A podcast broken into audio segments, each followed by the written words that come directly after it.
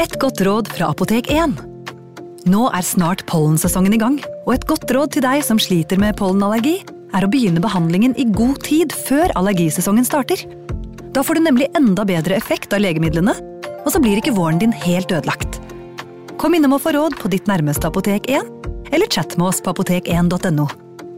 Apotek 1 vår kunnskap, din trygghet.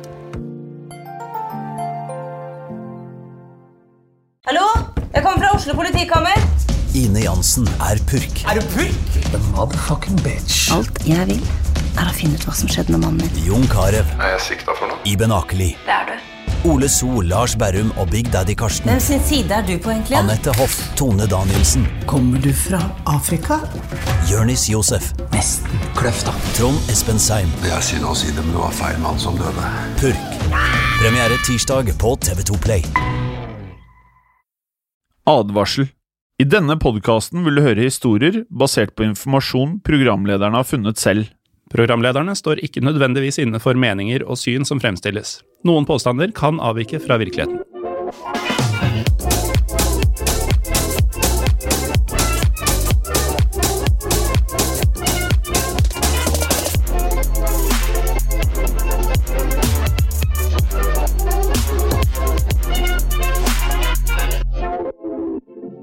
Hallo, Morten.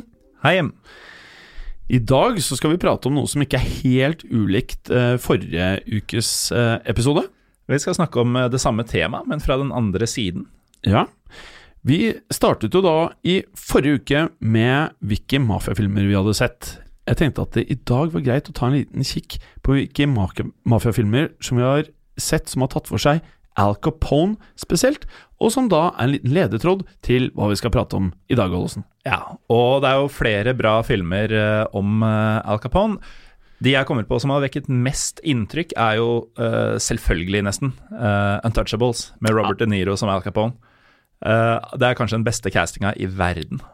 Født til å spille Capone. Selv om selv om magen så litt ut som en pute. Ja, magen til eh, Robert De Niro, ja. Ja. Men uh, man trodde på Capone som gangster, selv med den lille puta. Ja, eh, den var nydelig, og en av de feteste scenene i mafiahistorien ever er jo når Capone blir sint på politimannen som etterforsker han, som da er Elliot Ness, som vi kommer mer tilbake til senere. Så sier han følgende I want that son of a bitch dead. I want his family dead. I want his house burned to the ground. I want to go in the middle of the night and piss on his ashes. Det er, det er hardt. Da, meget. Og, og det er jo ikke overdrevet heller. Altså Capone var kanskje enda hardere i virkeligheten. Uh, jeg husker også uh, Boardwalk Empire, som vel uh, også er en Scorsese-serie. Oh yes. Ganske nydelig der òg. Husker du en film som heter Mobsters? Ja, Nei, det er faktisk ikke så rart. Den gikk nok litt under eh, radaren til mange, ettersom eh, Christian Slater var med i denne filmen. Og han er ikke akkurat en A-lista eh, person i Hollywood, men det var en film om fire kompiser som alle ønsket å bli mafia. Og så, når du da møter Capone i filmen, så blir han beskrevet som et forbilde til unge mobstere eh, i denne perioden. Hva er greia med å alltid se opp til eh, Altså at gangstere har gangstere som forbilder, fotballspillere har andre fotballspillere som forbilder, hiphop-stjerner som eh, ser opp til eh, andre hiphop-stjerner.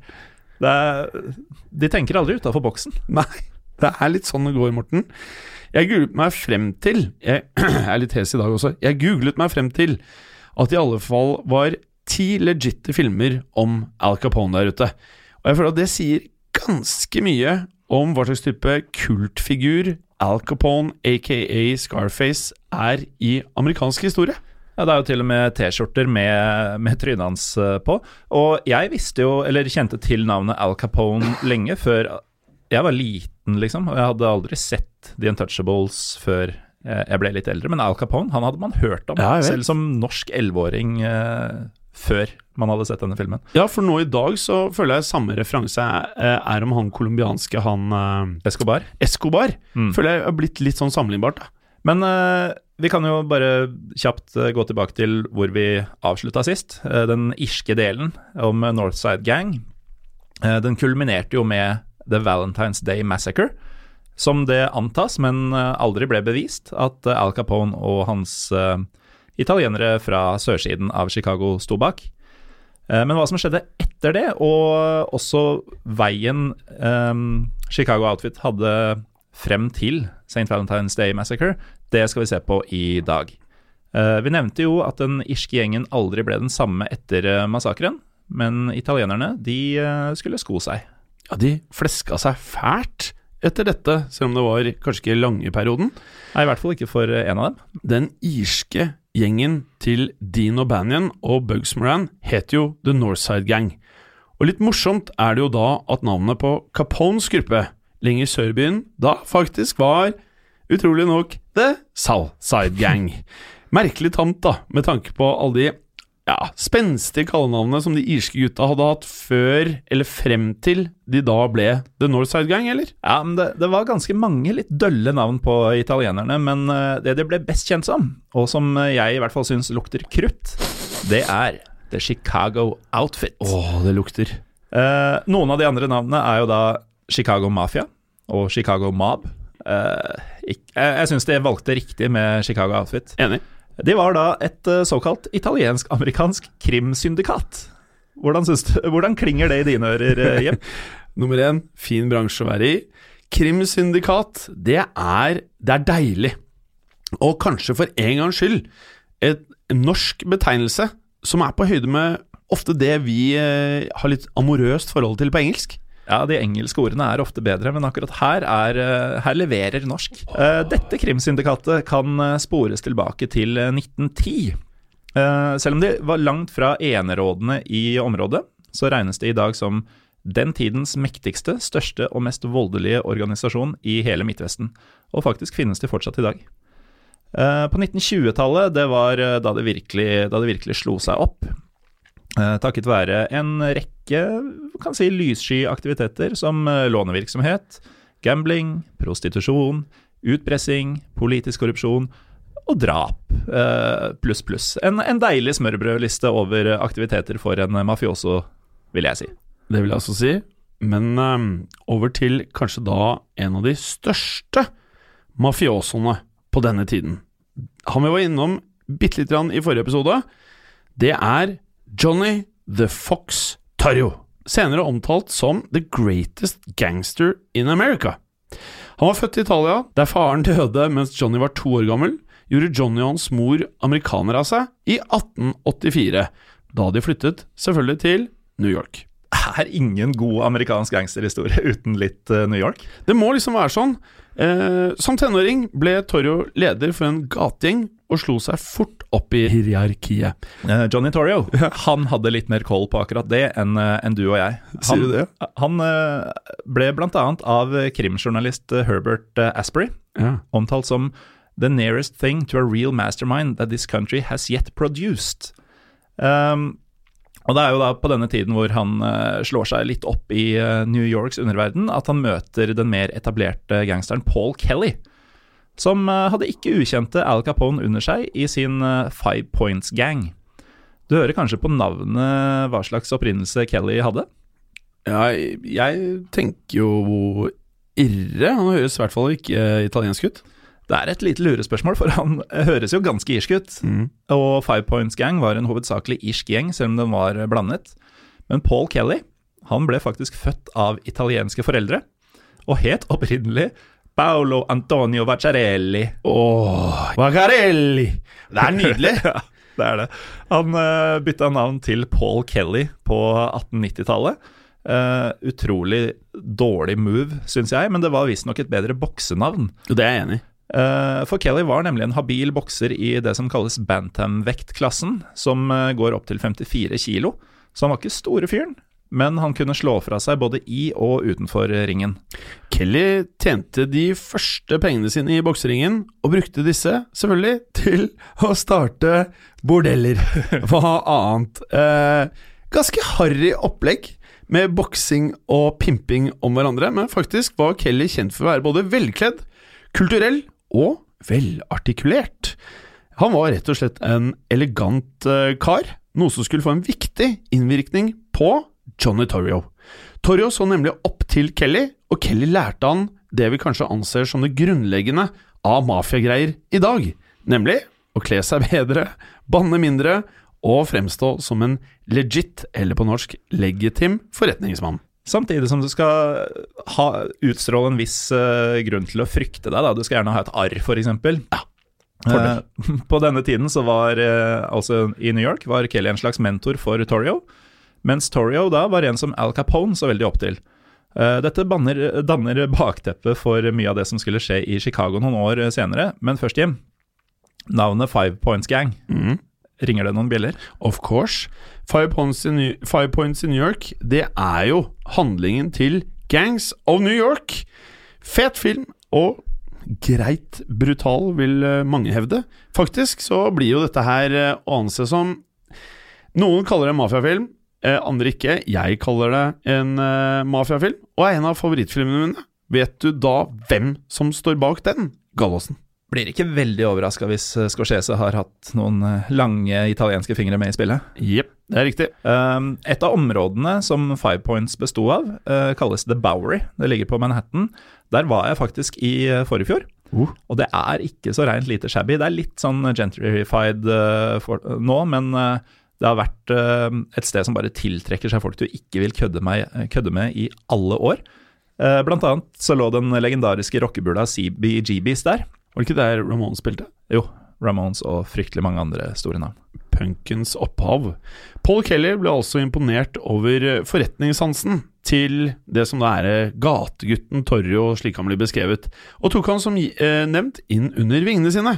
Torrio utvidet eh, etter hvert da virksomheten sin til bl.a. prostitusjon, selvfølgelig, og opiumtrafikk, og fikk da i hele denne perioden opparbeidet både rykte og navn, og han føles sakte, men sikkert som en buzz in the making.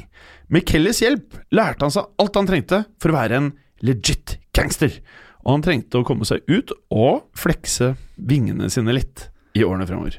Og den muligheten den fikk han da hans inngiftede onkel i Chicago, Big Jim Colosimo, eh, kontaktet han fordi han trengte hjelp til å bli kvitt noen utpressere fra en rivaliserende gjeng.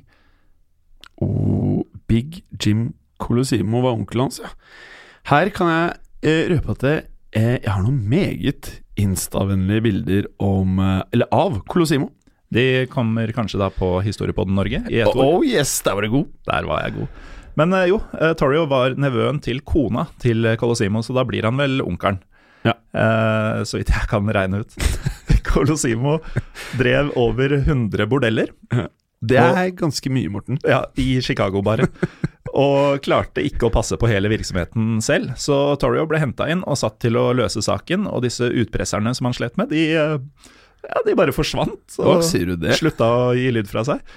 Uh, og underveis i dette så la Torrio merke til at det var vesentlige mangler i Colosimos organisasjon, og hjalp ham med å tette disse hullene, slik at de sto bedre rusta mot eh, denne type trusler fremover. Uh, Imidlertid så skulle jobbene for Colosimo bli mindre lukrative, fordi uh, han fant seg en ny kone, nemlig Big Jim. Og hun overtalte han til å trappe ned de kriminelle, uh, aktivitetene. Det, er, det, det føler jeg er en gjenganger i mafiafilmer òg, og det er trist. Uh, og der har jeg faktisk en eh, liten quote som jeg har bitt meg merke til, som jeg alltid tenker på når jeg ser ma- mafiafilmer når dette her skjer.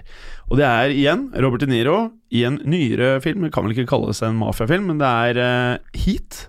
Fantastisk skytefilm.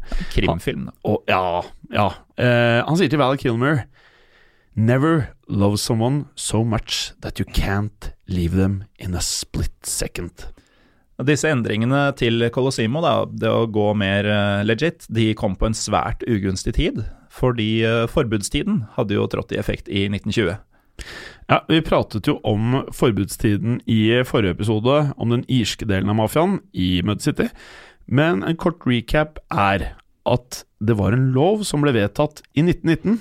Og den ble kalt eh, The Volstead Act, eller The Prohibition Act. Prohibition. Prohibition. Som eh, gjorde at det ikke var lov å produsere, selge eller konsumere alkohol over 1,28. Det er altså vesentlig mindre enn lettølet man kjøper i butikkene i Norge. Ja, det er ikke rare greiene. Dette ble da et problem, selvfølgelig, for Torjo forsto jo hvor mye penger som lå i ulovlig brennevin. Som vi husker fra forrige episode, så omsatte O'Banion, sjefen for eh, den irske gruppa i nord, allerede i 1921 for 1 million dollar i året, som eh, inflasjonsjustert utgjør 12,7 millioner dollar, som i dag er 110 millioner kroner. Men Big Jim Colosimo han nektet å ta del i såkalt uh, bootlegging. Dette gjorde jo da at Torrio og flere av Colosimos samarbeidspartnere ble bekymret for organisasjonens videre velstand. Og han satte i gang en prosess som skulle ende i et attentat på Colosimo i hans egen kafé 11. mai 1920, som ikke er helt ulikt eh, Bannon som ble tatt av dage i blomstersjappa si. Man burde egentlig bare holde seg vekk fra sine egne steder hvis man er gangster.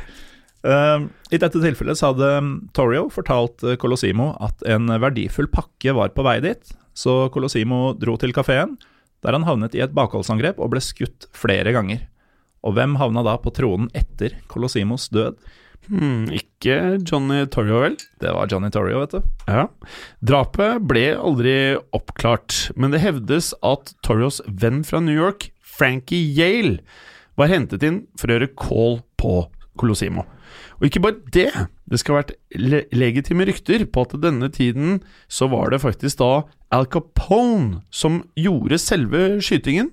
Og det er eh, slett ikke umulig, for eh, på denne tiden hadde Al Capone havnet i trøbbel i New York og flytta, eller kanskje flykta, til Chicago i 1919. Eh, Noe av trøbbelet det var en disputt med en kvinne som han på en nattklubb i Brooklyn kom til å fornærme. Og broren hennes kom da bort og kuttet Capone i ansiktet. Det var dette som skulle etterlate arret som ga Capone kallenavnet Scarface. Og for øvrig et av de mest ikoniske av kallenavn i eh, mafiaens gullalder, vil nå jeg si. Utvilsomt. Som nevnt så hadde han sett opp til Torrio i New York, og tok jobb som livvakten hans da han ankom The Windy City. Da Torrios gjeng etter hvert ble større og med tiden skulle bli hetende The Chicago Outfit, ble Capone Torrios høyre hånd.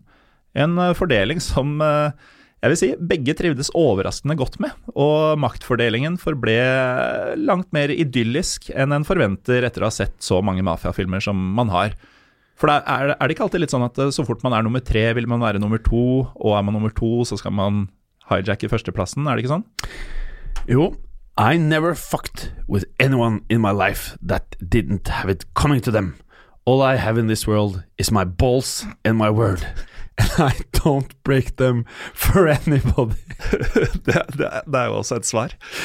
Det er også et svar. Det her er jo selvfølgelig fra Scarface, eh, i um, den perioden av filmen hvor han da er i ferd med å ta over som mafiaboss for ja. Miami. Så det var din måte å si ja på? Ja.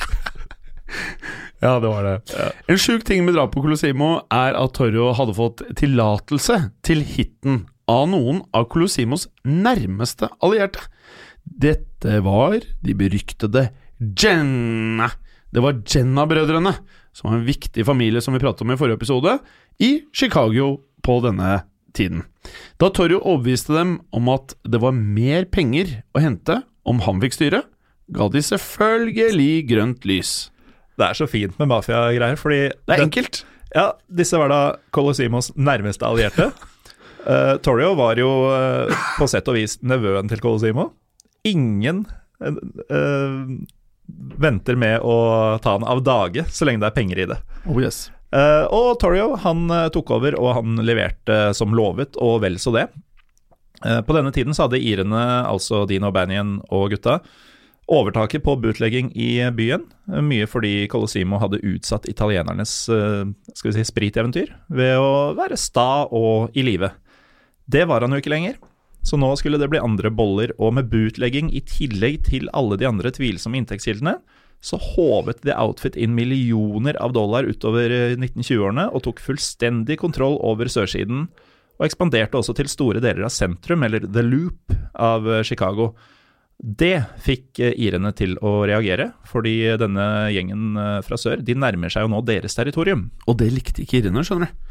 Som vi snakket om i forrige uke, hadde jo irene både overtaket i bootleggingen og en herlig eh, porsjon av arroganse. Der de rett og slett drev gjøn med italienerne. Det var mobbing, erting. Eh, de hadde bl.a. ranet flere av leveransene fra Canada, som skulle da leveres til The Chicago Outfit, og solgte disse tilbake til eh, Al Capone og John Torrio. Um, og det som skulle være forsoningsmøter mellom Torrio og Banyan, var O'Banion mest om Han var bare opptatt av å være cocky og vise eh, store baller og gjøre narr av italienerne. Og igjen, som vi vet fra forrige episode, dette kunne jo ikke ende fredelig. Nei, eh, Torrio ønsket så langt det var mulig å unngå krig, eh, til tross for press fra spesielt eh, denne svært blodtørstige, må jeg si, Jenna-familien. Eh, de ønska å drepe O'Banion for å ta over større områder, og lenge så klarte Torrio å holde ting noenlunde sivilisert mellom gjengene, men til slutt så fikk Jennan eh, viljen sin, og drepte O'Banion i blomsterbutikken hans i november 1924. Det skulle utløse en voldsom voldsbølge, og i januar 1925 skulle både Torrio og Al Capone få seg en vekker. 12. januar forsøkte Northside-gutta Jaime Wise, Vincent Drucci Bugs Moran å drepe Capone da de hadde skygget den svarte limoen hans til en restaurant. I en av historiens kanskje tidligste drive-bys kjørte de sakte forbi og traff bilen med 26 haglskudd! Det må ha tatt veldig lang tid. ja, det sto at de kjørte sakte.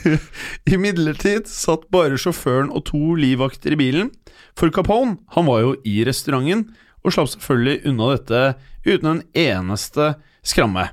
Det gjorde også livvaktene, så det var egentlig kun sjåføren som ble skadet.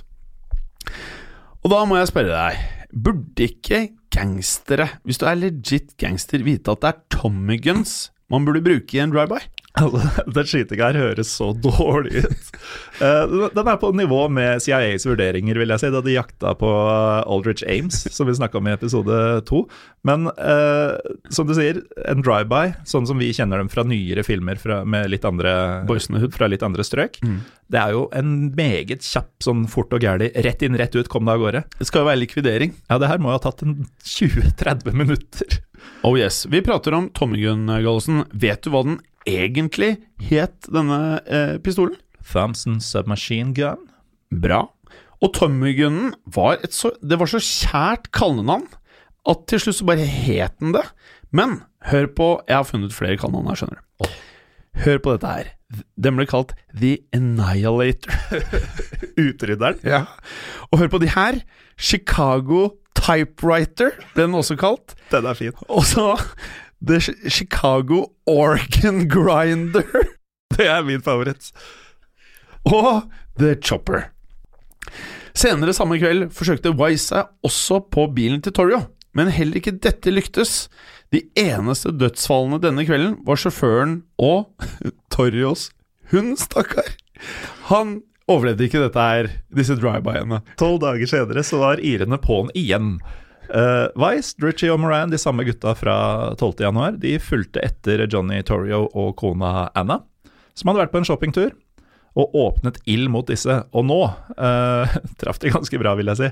Torrio han ble truffet i kjeven, i lungene, i beinet, uh, flere steder, nærmest overalt. Men da Wise skulle avslutte det hele med ei kule i hodet, så låste altså pistolen hans seg, og Torrio overlevde mirakuløst.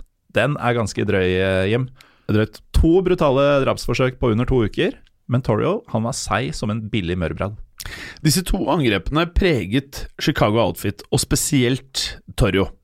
Han brukte lang tid på å komme seg igjen etter det her, det her blir omtalt som omfattende kirurgi, og da snakker vi om omfattende kirurgi på 1920 Altså 1920-tallskirurgi. Ikke like stabilt som, uh, som man uh, anser kirurgi i dag? Nei, definitivt ikke. Eh, etter drapsforsøket ga Torrio fra seg kontrollen over The Outfit til Al Capone. Tilbrakte ett år i fengsel, flyttet tilbake til Italia. Capone på sin side var 26 år gammel. Da bruser det med hormoner i kroppen, og når du er mm. gangster også, så kan det skje ting. Og styrte da plutselig et imperium som tjente millioner på blant annet butlegging, prostitusjon og gambling og mye, mye mer som sikkert ikke egner seg i denne podkasten. Og I tillegg så hadde de oppnådd en nær urørlig status, for de hadde så mye politi og politikere i lomma at de i praksis kunne gjøre hva de ville. Bare det ikke hadde vært for disse irrene i nord, da. Sant nok. Eh, gjengen ble ikke noe mindre voldelige under ny ledelse. Capone sprengte bl.a. flere serveringssteder som nektet å kjøpe alkoholen deres, eh, hvilket skal ha tatt livet av et tresifret antall mennesker på 20-tallet. Og igjen, som nevnt i forrige episode, dette betydde, sykt nok, gode tider for Schofields. Schofields var Chicagos foretrukne blomsterbutikk for begravelseskranser og begravelsesbuketter, i sin tid drevet av Dean O'Banion, som da tidligere ble skutt utenfor dette stedet. Ja, eh, Men veien til toppen hadde vært lang for Alphonse Gabriel Capone. Han hadde som nevnt kommet til Chicago som 20-åring, både fordi han måtte komme seg vekk fra sine mange fiender, men også da, som sagt, fordi Torrio ville ha han der. I New York hadde jo disse blitt godt kjent, og Capone var en nesegrus beundrer av Torrio, som opererte på et mye høyere nivå selvfølgelig enn han selv på dette tidspunktet. Og det var derfor selvsagt en ære å flytte til The Windy City for å tjene under Torjo. Det var et klart steg opp for Capone, for hans bakgrunn besto av en skolegang som han avslutta som 14-åring. Etterfulgt av en masse strøjobber i, rundt omkring i New York. Han var bartender, han jobba i en bowlinghall, og Jim, han var til og med en stund ansatt i en godteributikk. Eh, men Capone han trengte åpenbart noe litt eh, annerledes for å, for å komme seg opp og fram, og gangsterlivet i Chicago det skulle selvfølgelig passe han som hånd i hanske. Men én ting må vi faktisk nevne her, eh, Jim, fordi husker du Paul Kelly? Han mm. som var italiener, men hadde bytta til irsk navn? Ja, det er jo ganske sjukt med tanke på fiendskapet, da. Vi har skjønt det uh, faktisk er mellom italienerne og irene. Og det skal bli enda sjukere, for vet du hvem Capone gifta seg med allerede ja, mens han fortsatt var tenåring? Du tenker på May Josephine Cochlan! Og det høres jo enda mindre italiensk ut enn Paul Kelly. Hun var 100% irsk katolikk, hun. Man skulle nesten ikke tro det var mulig for irene og italienerne. De var som hund og katt eh, med bomber, hagler og automatvåpen i datidens USA. Det virket imidlertid som om ekteskapet var helt fint, det. Eh, de fikk til og med en sønn. Sonny Capone Sonny er jo blant annet en av sønnene i Gudfaren, mm. eh, som var i live så sent som i 2004. Men den virkelige Capone-historien er imidlertid alt han foretok seg i Chicago. Uh, noe av det første som skjedde etter flyttinga, og, dette var jo da etter at han hadde gifta seg, han fikk syfilis på et av de 100 bordellene til Big Jim Colosimo, uh, hvor han jobbet den første tiden. Og akkurat dette med syfilis, det skal bli noe vi kommer tilbake til. Fordi å få denne sykdommen på denne tiden uten å gå til legen med det, det var ikke spesielt lurt. Uoptimalt. Uoptimalt. Med Colosimos død, som Capone selvfølgelig da, som vi har nevnt, er mistenkt for, eh, var John Torrio kongen på haugen som et resultat av. Noe som førte til at Capone avanserte til nestkommanderende i The Chicago Outfit. Pilen pekte selvfølgelig da bratt oppover både for Capone og resten av gjengen. Og etter at Torrio trakk seg tilbake, da ble det show. Capone levde da en svært ekstravagant livsstil. Det var flotte klær, Flotte biler, flotte kvinner, og alt oh. dette i medienes rampelys. Han var glad i silke, skjønte jeg. Han var glad i silke. Han uh, omtalte seg som en forretningsmann som rett og slett ga folk i det de ville ha. Han la ikke skjul på at han drev med bootlegging. Uh, og han ble en nasjonal kjendis. Det virker som å presse folk alle bare slukte dette, de ville ha mer av det. Han var jo en, eh, en karakter, og, og han uh, visste å melke mediene. Uh, samtidig så ble han jo da også mer og mer sikkerhetsorientert, og tilbrakte stadig mer tid vekk fra Chicago. Like fullt så var han etter hvert så mektig at uh, politikerne i byen de ble valgt mer eller mindre på hans og gjengens nåde, og ja, enkelt fortalt så styrte Capone og The Outfit uh, Chicago. Men Irene Morten, mm. krigen eskalerte kraftig etter fredsmegleren Torrio ga seg, og dødstallene steg til ja, uante høyder, og Banyan var allerede død, og nå fikk Capone Jaime Weiss drept. Da var plutselig Drucci og Moran, som vi nevnte i forrige episode, lederne for Northside. Og de var da enda mer blodtørste enn sine forgjengere. Som nevnt i forrige episode også, dette skal være den verste dokumenterte drapsbølgen i Chicagos historie. Og selv mens de hadde en slags våpenhvile, så døde jo Drucci ikke fordi eh, Capone og gutta tok den, men eh, han ble rett og slett drept av politiet. Det fantes nok mer avslappende tider å være gangster på enn det her. Så med Drucci borte, så var det altså Bugs Moran og Al Capone som ledet hver sin gjeng. Capone hadde sett så mange ledere dø den siste tiden at han like gjerne kunne bli kvitt Moran også. Nå tror jeg jeg vet hvor du vil hen. For nå nærmer det seg eh, en meget eh, god dag for handelsstanden og for eh, hjertevenner hjem. Det er snart Valentine's Day 1929. Oh, det har, for de av dere som har hørt forrige episode, dette her var ikke den optimale Valentine's Day for alle. Eh, og gå gjerne tilbake og hør den også, for det her er dagen for The Valentine's Day Massacre. Ja. Og eh, det, det kan jo være greit, uh, hvis du er ny lytter, å gå tilbake og få den detaljerte versjonen av Valentine's Day Massacre, men vi kan si at kjernen av eh, det som var igjen av The Northside Gang, de ble effektivt utryddet av det som eh, tilsynelatende var fire politimenn, men som i virkeligheten var gangstere som ikke var spesielt glad i irer. Hovedmålet her var jo å massakrere Bugs Moran. Men på vei til garasjen, som sagt, så hadde han fått øynene på en politibil som parkerte der, og snudde selvfølgelig og tok seg heller en kopp kaffe. Det skulle redde livet hans, alt takket være godt sovehjerte Morten. Moran var nemlig forsinket ut fra hotellet sitt denne morgenen. Og selv om de ikke fikk eh, Moran, så fikk jo attentatmennene has på fem viktige medlemmer av eh, The Northside Gang, og i tillegg til to hangarounds. Eh, og dette skulle bli for mye for gjengen å komme tilbake fra. Chicago var Al Capones. Jeg er fortsatt enormt imponert over denne planen her, Morten.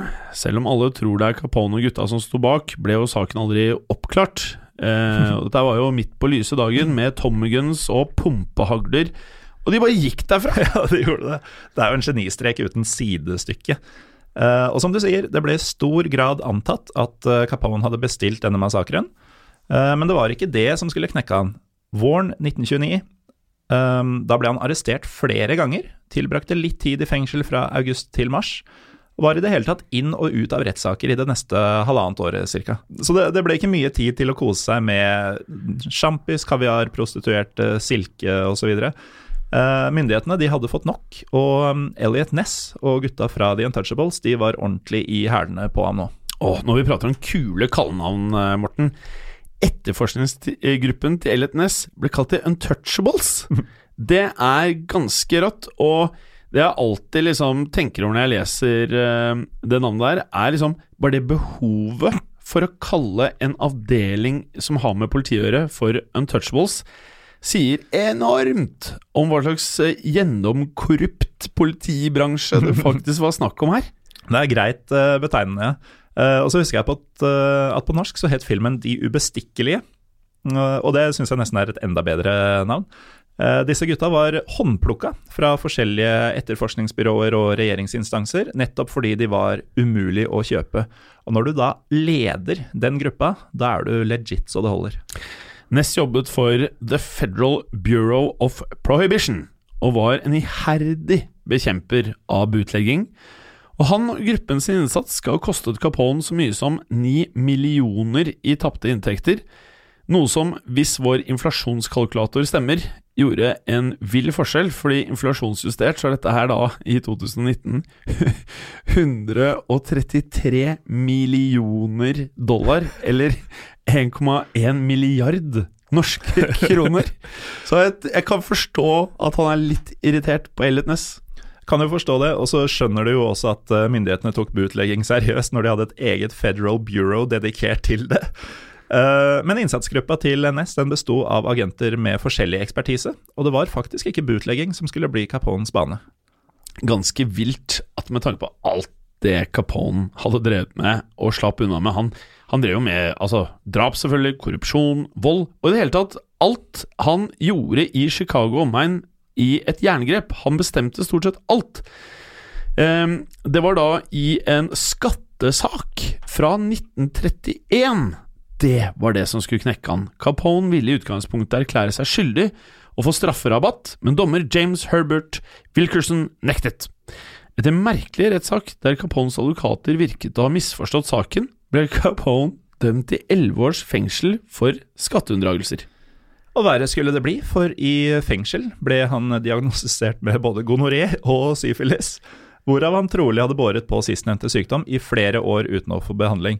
Vi nevnte jo at han var glad i å tilbringe tid på bordellene da han kom til eh, Chicago, og um, nå hadde han da blitt ordentlig, ordentlig sjuk av det.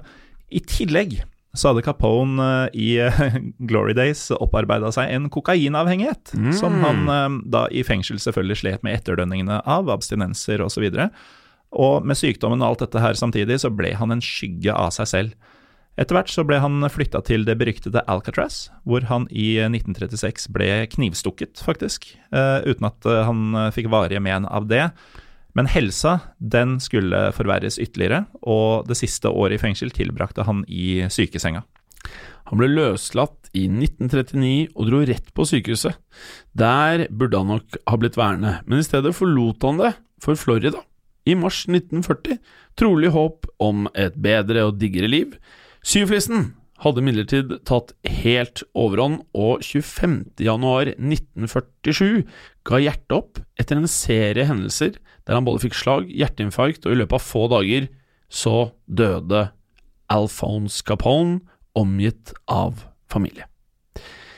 Dette her var liksom I sånn gangsterfilmstil så skulle jeg ønske han hadde fått flere år på toppen.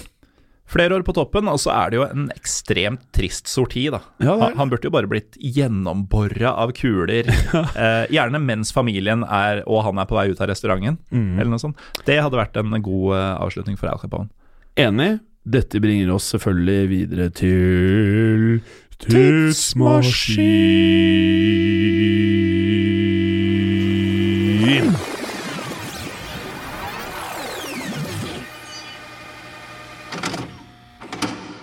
Nå, eh, Morten, vi har jo i forrige episode så har vi jo prata om å dra, dra tilbake til 1920. Det jeg bet meg litt fast i her, det var det du sa i sted om at um, hvis jeg skjønte deg rett, så eksisterer egentlig deler av The Chicago Outfit den dag i dag.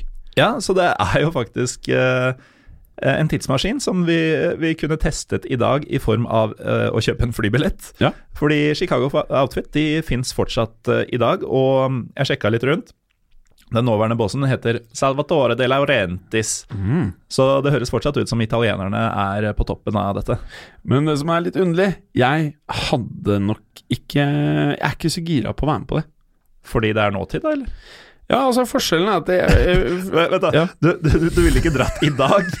Uh, hvor det bare er sånn en, en perifer uh, greie. Men da det sto på som verst, da er det ingen tvil, liksom?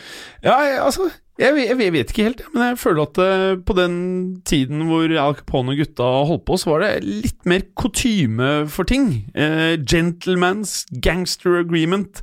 Jeg føler at det var litt mer av dette her at var du ikke med på moroa, så var du kanskje ikke like utsatt. Jeg føler at i dagens uh, mobsterverden så føler jeg at det er litt mer sånn lovløst. Det er mye mer skyting. Det er flere som er kriminelle.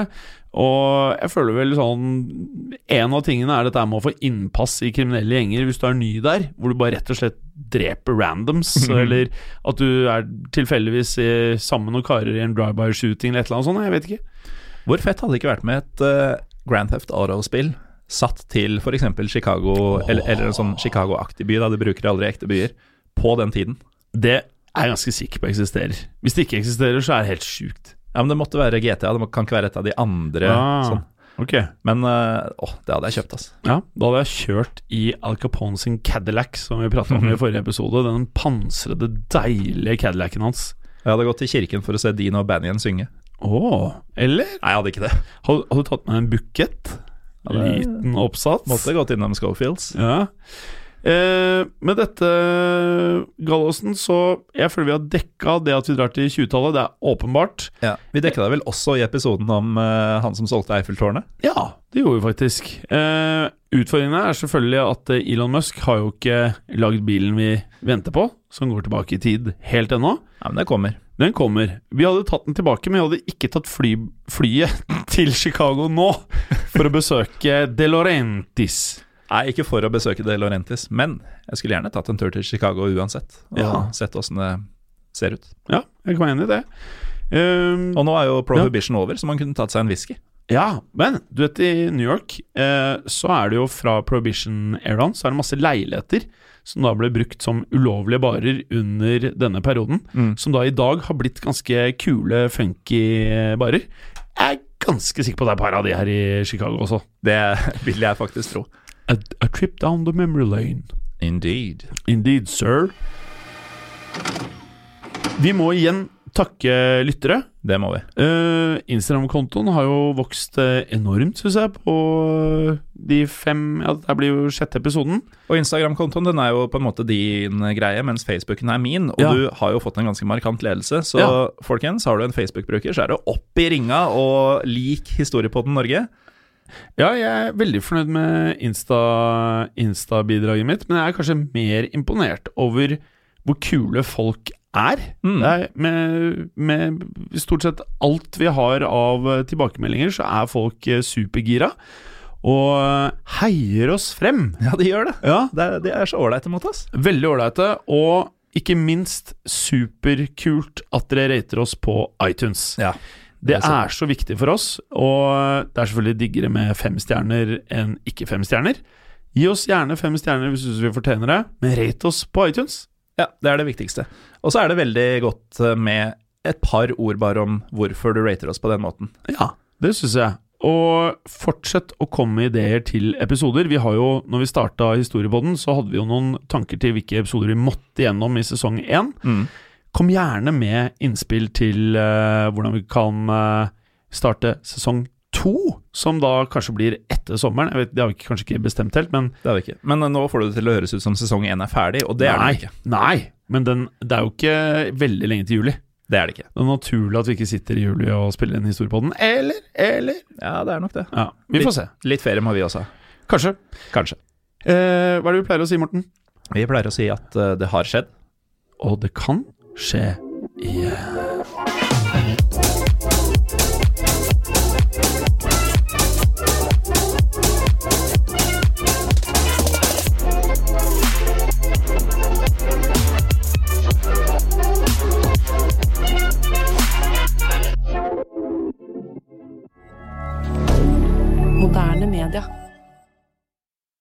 Har du et enkeltpersonforetak eller en liten bedrift? Da er du sikkert lei av å høre meg snakke om hvor enkelt det er med kvitteringer og bilag i fiken, så vi eh, gir oss her, vi. Fordi vi liker enkelt. Fiken superenkelt regnskap. Hei, og takk for at du lytter til Historiepodden. Skulle du ønske at du kunne høre en ny episode av Historiepodden hver eneste uke? Vel, da er det én ting å gjøre. Da kan du laste ned podkastappen Untold med det samme. For i tillegg til ukentlige episoder av podkaster som Historiepodden andre verdenskrig, Henrettelsespodden og også Gangsterpodden, så får du masse annet reklamefritt og også eksklusivt innhold. Last ned Untold i AppStore eller Google Play og start din 30 dagers gratis prøveperiode allerede i dag.